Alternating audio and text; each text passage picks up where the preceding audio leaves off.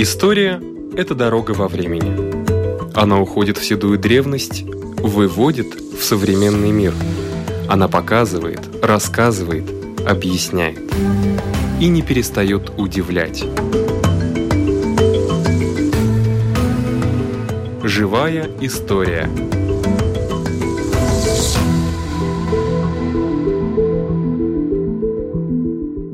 У микрофона Лидия Чера.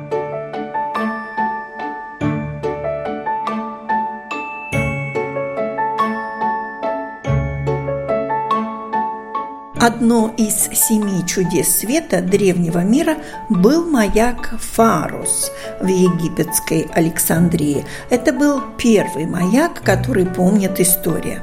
Маяк – это дорожный знак на море. Башня с ярким светом на вершине, расположенная в опасном месте для судоходства. Маяки предупреждают суда об опасности. Многие маяки являются собой архитектурную редкость. Сколько же в Латвии маяков? Руководитель отдела истории мореходства Латвии Музея города Риги Андрис Цекулс. Сейчас у нас 19 маяков. Действующих? Да, действующих. И самое древнее, которое сейчас тоже действует, это маяк Овиши. Примерно километров 30 от города Венспилса. Она работает с 1814 года. Но постоянный огонь только 1844 года. Но они все равно меняют да, там. Да. Не такой огонь, как был когда-то 200 лет да, назад, ну, там теперь какие-то знаете, лампы. Сначала был обыкновенный костер, потом уже керосин, ну и потом электричество, электрическая лампа использовалась только с 1886 года.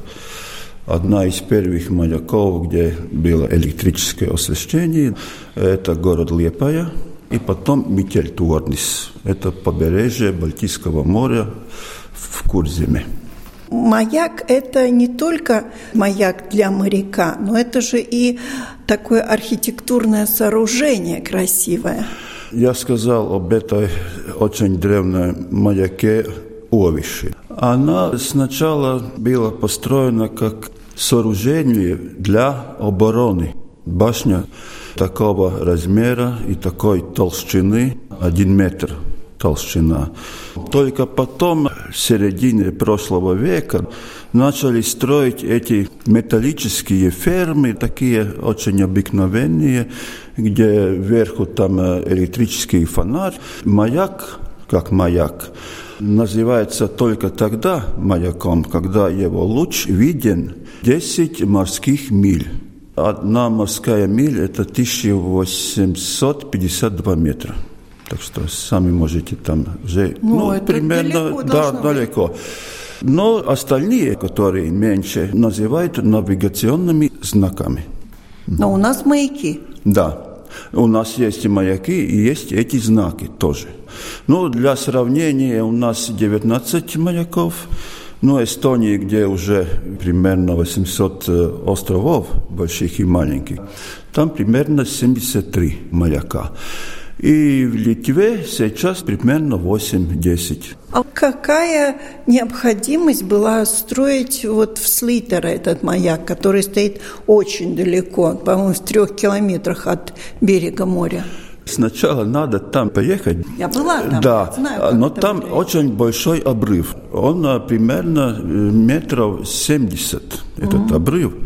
И еще маяк, и от уровня моря этот маяк стоит 110 метров от уровня моря. Сначала там маяк не был, но последний огонь там был только в 1960 году. Потом он стал таким знаком, который очень хорошо виден с моря. Он стоит там, да. но сейчас... Не горит, по-моему. Нет, от 1960 года. Это последний год. Когда он показывал свет. Да. В каких местах ставятся маяки?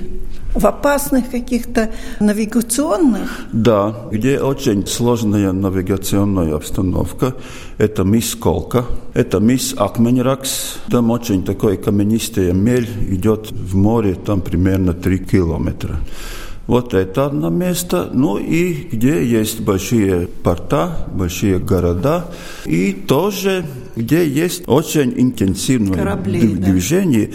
там тоже ставятся эти маяки. А сейчас, вот 21 век, неужели маяки все-таки не потеряли своей актуальности? Ведь есть же уже другие системы работают, совершенно компьютерные. Ну, вы знаете, бывают такие случаи, когда этот компьютер может дать сбой. Ах, вот И GPS как. тоже. Это как э, дублирующая основа маяка. Но, конечно, значимость становится меньше, это точно. Он становится да. таким да, архитектурным да, памятником. Да, да. Там можно и небольшую экспозицию делать в этом маяке. И сейчас можно поехать на маяк Овиши, маяк Ужава и Акменраксе. Внутри маяка есть небольшая экспозиция об этих маяков. И я сам видел это летом в Эстонии. Там Небольшое кафе есть, экспозиция, ну, чтобы человек, у него было уютно тоже. Ну, как в ветряных мельницах да, тоже сейчас ну, примерно, устраивают да, такой да, же, да. как бы сказать, колорит остается да, все равно. Да, да. А самый высокий у нас маяк какой? Микельтурнис, 53 метра. Это где? Это между Венспилсом и Мазирбе. Это от Венспилса северное направление, примерно километров 45. То есть это на море? На море, да, да. Но я спросила, какой, на ваш взгляд, самый красивый. Я поняла, какой самый высокий, самый старый тоже. Я так да, поняла, да, это да. Товиши. Но самый-самый какой еще, даже не знаю. Э, ну, очень интересный этот маяк Колка на да. небольшом искусственном островке, примерно 5 километров от берега стоит. Но там очень сложная обстановка, потому что там идет э, эта мель внутри моря 7 километров. Ее нужно объезжать. И объезжать можно. Ну, можно и не объезжать, но тогда корабль становится на мель. Я была в прошлом году или в позапрошлом на маяке Акменьракс, да. и я думала, каждый раз говорю этой смотрительнице маяка нужно забираться наверх, зажигать mm-hmm. лампы. Он говорит, не надо, говорит, снизу нет, можно нет, зажигать. Нет, это автоматическая система уже работает 30-40 лет. Последние надзиратели маяков, которые там да, жили да, рядом, да. ну, это где-то до Второй мировой войны. И после этого уже была автоматическая система, был уже один надзиратель на трех-четырех маяков. Потому что в основном да, только да, тот да. берег моря у нас, ведь э, здесь, где Рижский залив, там нет маяков. Нет, ну маяк Даугавгрива, конечно, здесь в Риге. Рагациемс, там да. есть тоже гибка, это неподалеку от Колки. Но эти очень маленькие такие маяки, они делают как такой путь от мисса Колка на Рижский порт указывает цель. Цель указывает, да. А есть какие-то вот особые истории строительства маяков, что там вот, может быть, всем народом собирали деньги? Ну, всем народом нету, но был такой случай, этот самый маяк Микельторнес. Первая башня очень такая толстая, была построена в конце XIX века, но там был очень мягкий грунт. И, начал проседать. Да, начал проседать и на одну сторону как знаменитая башня Пизанская. Пизанская, да. Его взорвали в 1932 году. У нас есть фотоснимки этого случая. И начали потом строить заново. Но правильно, с учетом этого грунта. И теперь стоит? Стоит, стоит. Ровненько стоит? Ровненько стоит. А да. кто-то проверяет, кто у нас главный по всем маякам? Так, ну, ситуация такая, что все навигационная система, фонарь, это обслуживает латвийская морская администрация, угу. там есть навигационная служба. Но сам маяк принадлежит большим портам. Например, города Рига там 13 маяков, от Айнажи до Микельтурниса. Венспилс очень мало, только три, Лепая тоже три. У них принадлежит башня, И земельный участок маленький, а навигационную систему обслуживает вот эта морская администрация. Да, новых маяков уже строить, наверное, не будут. Я тоже так думаю. Так что самая главная задача – беречь вот эти маяки. Сохранить. И сохранить тоже, да. Потому что это все-таки реликвия. Да, совершенно верно.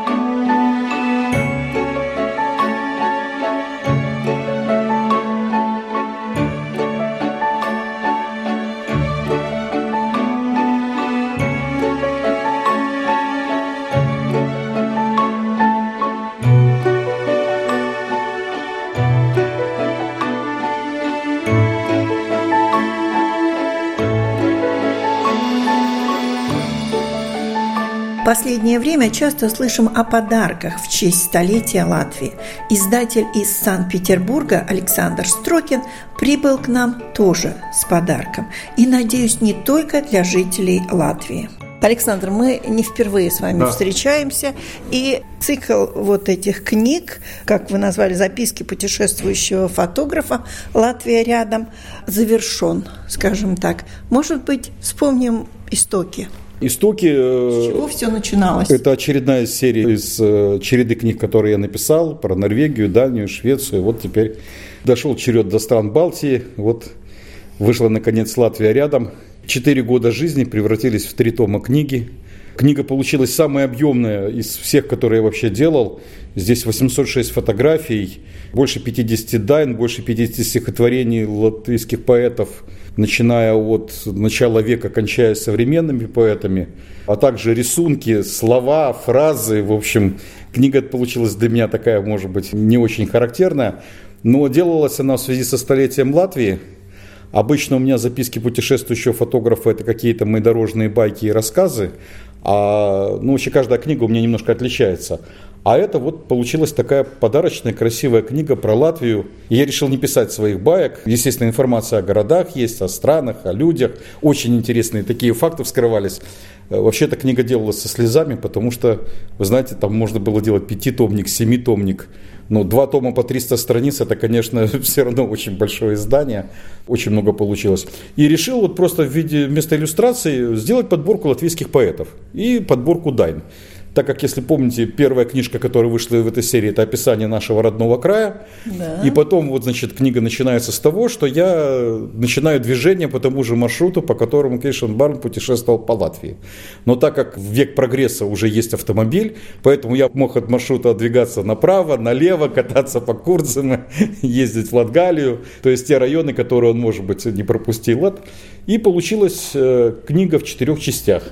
Части, конечно, несколько условные, но они соответствуют четырем временам года. Не Курзем и Видзем и Латгала. Нет, Курзем и Видзем и Латгала, но это все это Курзем и весной, Видзем а, летом, Латгалия осенью, поэтому понятно, что что-то где-то перемешано с времени одного года в другое, но в целом вот концепция вот это выражена. Если взять первый том, когда вы шли, скажем так, по следам Кришана Барона, Каким образом вы этот маршрут оформили и что вы искали?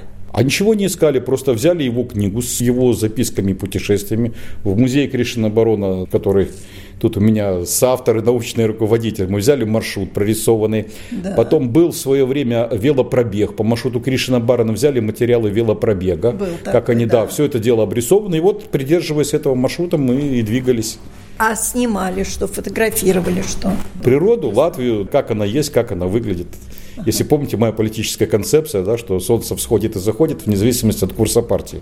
Красота Латвии, она также не меняется. Поэтому вот в основном это Латвия, как вот я ее увидел. Это первая книга, вторая. Так это два тома и есть. Два, два тома. тома это в одном томе две провинции, во втором еще две. И что вы будете делать с этой книгой? Ну, Красивый для, такой. Для начала я ее презентую. Да.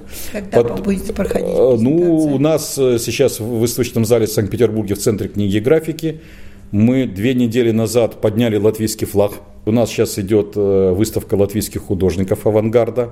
Там как раз вот выставил я за одну книжку и мое пополнение. Я неожиданно для себя стал собирать коллекцию старых латышских карт. Самая старая, которую нашли, вот как раз сейчас ее выставляем, это 1000 648 год Ой, отпечаток. Да, там еще Латвии нет, но там первое обозначение Ливонии. Там книгу презентуем. Думаете, интерес будет? Я думаю, что будет, потому что уже по интернету заявки поступают. Параллельно с этим мы с Рутой закончили такой труд, что, как я говорю, книга должна жить и идти в массы. И вот книга описания нашего родного края, она сейчас выложена в интернете. Мы сделали специальный сайт www.barons lv.com, на котором можно книгу эту и посмотреть, и можно ее скачать. Ну, там мы сделали, конечно, ограничения не для коммерческого использования, но теперь этот перевод, он доступен для любого желающего. И иллюстрации там выложены, все есть. Эту книгу, конечно, такой объем, ее не оцифровать, и, скажем так, оцифрованная книга выглядит совершенно по-другому. И вот, кстати, следующий мой проект про Латвию, может быть, будет совершенно другой. Секрет? Нет, не секрет. Он, наверное, будет электронный. Бумажный электронный, вернее. Но зависит не от меня. Сейчас целая команда программистов сидит и думает, как это дело воплотить. Ну, вы издатель, да? Ну, я автор и издатель в одном лице. Я же и полиграфист, поэтому Да. я один во всех лицах. Только полистала, уже зацепилась за Кемере. Мое тоже одно из самых любимых мест Кемеровское большое болото. В Латвии очень много интересных мест, и как раз вот вы листаете, это мой любимый музей под открытым небом латвийский, там я времени провел очень много. А кроме того, здесь вот как раз календарь на следующий год называется «Море», Юра. Следующий проект, он будет связан, скорее всего, с побережьем Латвии. Хотя еще один проект есть, который, я не знаю, как его снять, надо думать, это Рига, потом многоточие, motion. А вот в это многоточие можно вставлять in motion, emotion, то есть разные значения, потому что снять Ригу лучше, чем латвийские мастера, особенно от 70-х, 80-х годов, ну, навряд ли получится. Да. Это надо быть рижанином, а вот взгляд на Ригу, которая все же город не статичный, а она движется. И, Конечно. и она имеет свой эмоциональный фон. Попробовать это сделать. Не знаю, пока думаю, как это делать, рисую эскизы. У каждого свое. Иногда то, что у нас под ногами, мы не замечаем, а тот, кто приедет, вдруг заметит и сфотографирует, и мы увидим. Бывает так, глаз замыливается, потому что я вот Петербург снимаю очень мало. Александр, скажите, вот вы снимали Ригу, но наверняка вы уже видели раньше какие-то фотографии и Риги, и Латвии. Вы шли по тем же местам фотографий или вы пытались просто как-то снимать то, что вы видите, но не следовать уже канонам каким-то. Например, улица Алберта, ну как ее обойти? Динабургская крепость, как ее обойти? Ее тоже снимали много. Идти каким-то одним путем или другим. Рига, кстати, у меня отдельная часть в этой книжке называется «А Рига хороша в любое время года» называется. Но проблема в том, что не хочу обидеть жителей столичных городов. Э, Рига – это не Латвия, так же, как Стокгольм не Швеция, и так же, как Москва не Россия.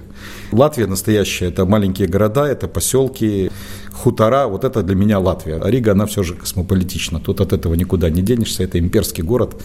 И мы можем там все что угодно говорить, как я говорю.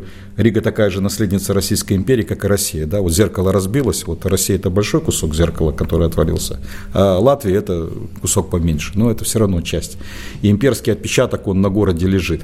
Поэтому снималось то, что вот вот что легло, то, то и снялось. Поэтому тут не ставилась целью показать виды, тут не ставилась цель добиться совершенно красивой картинки. Это как раз вот такая цель записки путешествующие. Вот они и есть. Там, кстати, еще есть очень интересная штучка. Не мои фотографии, то, что вложено про Ригу. Это совершенно случайно нашел старые открытки 1900 какого-то 12 там 8 года. Я обратила Да, внимание и вначале не подпис- поняла, думаю, какие-то немножко смазанные фотографии. Нет, это вот э, старые открытки, и на обороте мы даже оставили текст людей, которые писали вот эти как бы голоса из прошлого. Мы их оставили так ради интереса. Мне кажется, интересный ход. Конечно, интересно, совершенно согласна. Можно спросить, кому вы хотели бы подарить эту книгу в связи со столетием Латвии? Вы имеете в виду в Латвии или в России? Ну, или в Латвии, или в России. Ну, благодаря Руте главный подарок я сделал. Значит, это была Вайра Вики Фрейберга. Я читал ее научные работы по Дайнам. К сожалению, в России не так много на русском языке издавалось. Но вот ей я книжку вручил. Поэтому осталось только вот президенту и министру культуры. Ну, естественно, вот моим друзьям, тем, кто со мной делал книжку. Это Рута Карквини, вы все время говорите, да. это заведующая музеем Кришина музеем. Это Лаймдота фамилию забыл, надо посмотреть. Букинистическим магазином, которая заведует, которая собирала мне и карты, и книжки. Водитель, который в Латвии мне помогал, Юрий Страпанс. Вот все они какую-то долю вносили. Ну, довольны завершением. Или вошла одна десятая а 9 десятых остались еще в архивах фотографий. Конечно, я же говорю, здесь получилось два тома 800 фотографий. В предыдущей верстке было 1300 фотографий. Просто пришлось нам из-за полиграфических э, ограничений, да. чтобы больше 300 страниц не разбегалось, поэтому немножко ужали. А вообще снято, наверное, там больше 10 тысяч фотографий. То есть остается всегда какая-то малая часть того, что хочешь показать. Но иначе это будет э, уже издание нечитаемое. Иногда говорят глазами, мы запоминаем еще много больше. Естественно, глазами. Но здесь, видите, заодно очень много поэзии, поэтому кто-то, может, и почитает с удовольствием и латвийскую поэзию. С людьми контакт налаживался легко? С местными жителями? Ой, с местными вообще проблем не было. Были, конечно, особенно в таких в сельских местностях люди, которые вообще там по-русски не понимают, по-английски, естественно, потому что русский уже не учат, английский еще не выучили. Ну, на пальцах, знаками там все. Вот, кстати, дом, когда Кришина Барана искали, где он родился, тоже мы никак попасть не могли. Мы то с одной стороны проскакивали, то с другой. Потом в итоге там латышский парень с девушкой, значит, они нам сказали, езжайте за нами, мы куда-то долго ехали. Они нас привезли в дом, где говорили по-русски. Они сказали, спросите у него, что он хочет. Мы сказали, мы пытаемся найти это поместье. Они сели, повезли нас в это поместье, показали вот э, дом, где Кришин Барон родился и провел первые годы своей жизни. А хоть слово пожелания к столетию Латвии?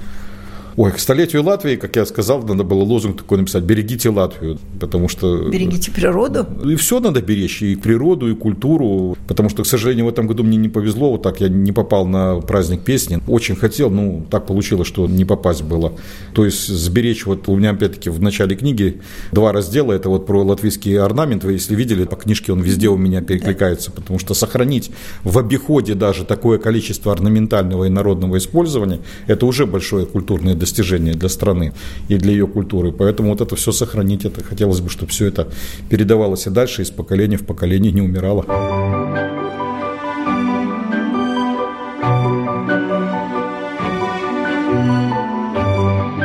В следующем году исполняется 100 лет Национальной библиотеки. Программа «Живая история» предлагает цикл сюжетов о раритетах, которые там находятся. Итак, заглянем в хранилище редких книг.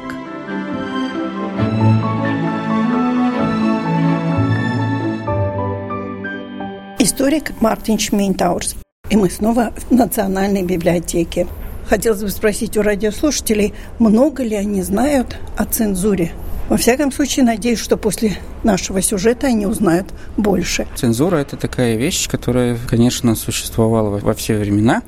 Она была и при Российской империи, и в 20-е, 30-е годы при Латвийской республике, и, конечно, была и советская цензура, хотя она так и не называлась Главлит именем. Назывался. Главлит, да. Было даже такое выражение в среде историков и музееведов, что у нас с экспозицией проходит хронология от палеолита до главлита. То есть от старшего каменного века до современности.